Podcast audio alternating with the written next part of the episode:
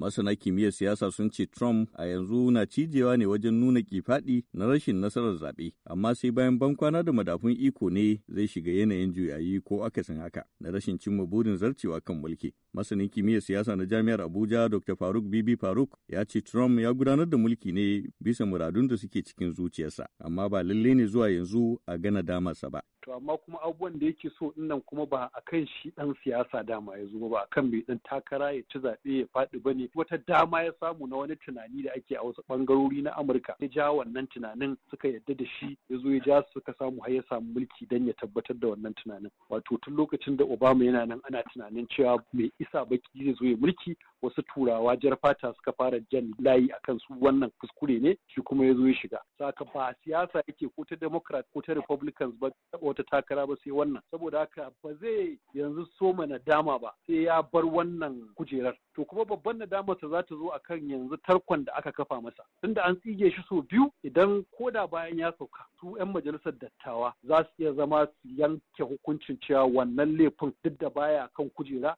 tabbataccen laifi ne to in suka tabbatar da wannan laifin ba zai sake riƙe wani mukamin jama'a a Amerika ba yana da kuma magoya baya wanda kai ka san kuri'a miliyan saba'in da wurin huɗu ya samu yana ganin cewa yana da wata dama da zai iya sake riƙe shugabancin kasa nan da shekara huɗu to wannan lokacin ne na rashin damar na ganin zai zo ya fara wato asali. Yan siyasar Najeriya na faɗar irin sauyin da suke hasashen sabon shugaba Joe Biden zai kawo. Sani gwamna jigo ne a jam'iyyar APC mai mulki a Najeriya. Tun kamin a rantsar da shi, ai ya yi bayanin cewa wasu abubuwa wanda adda amfani ga ita kanta Amerika da kuma duniya ga baki ɗaya zai dawo da martaba Amerika su dawo cikinsu. Ya ce zai dawo da haraka dumaman yanayi. Yanzu ya ce dukkan ƙasashen musulmai waɗanda aka dakatar daga zuwa amerika za a ci gaba da ba su biza ya kafa tarihi sosai gashi tsohon sanata ne gashi tsohon mataimakin shugaban ƙasa ne shekara takwas. Ya dai goge ga harkokin jagoranci na al'umma. Joe Biden da zai cika shekaru 78 a Nuwamba shi ne mafi tsufa a shugabannin Amurka a lokacin hawa karagar mulki.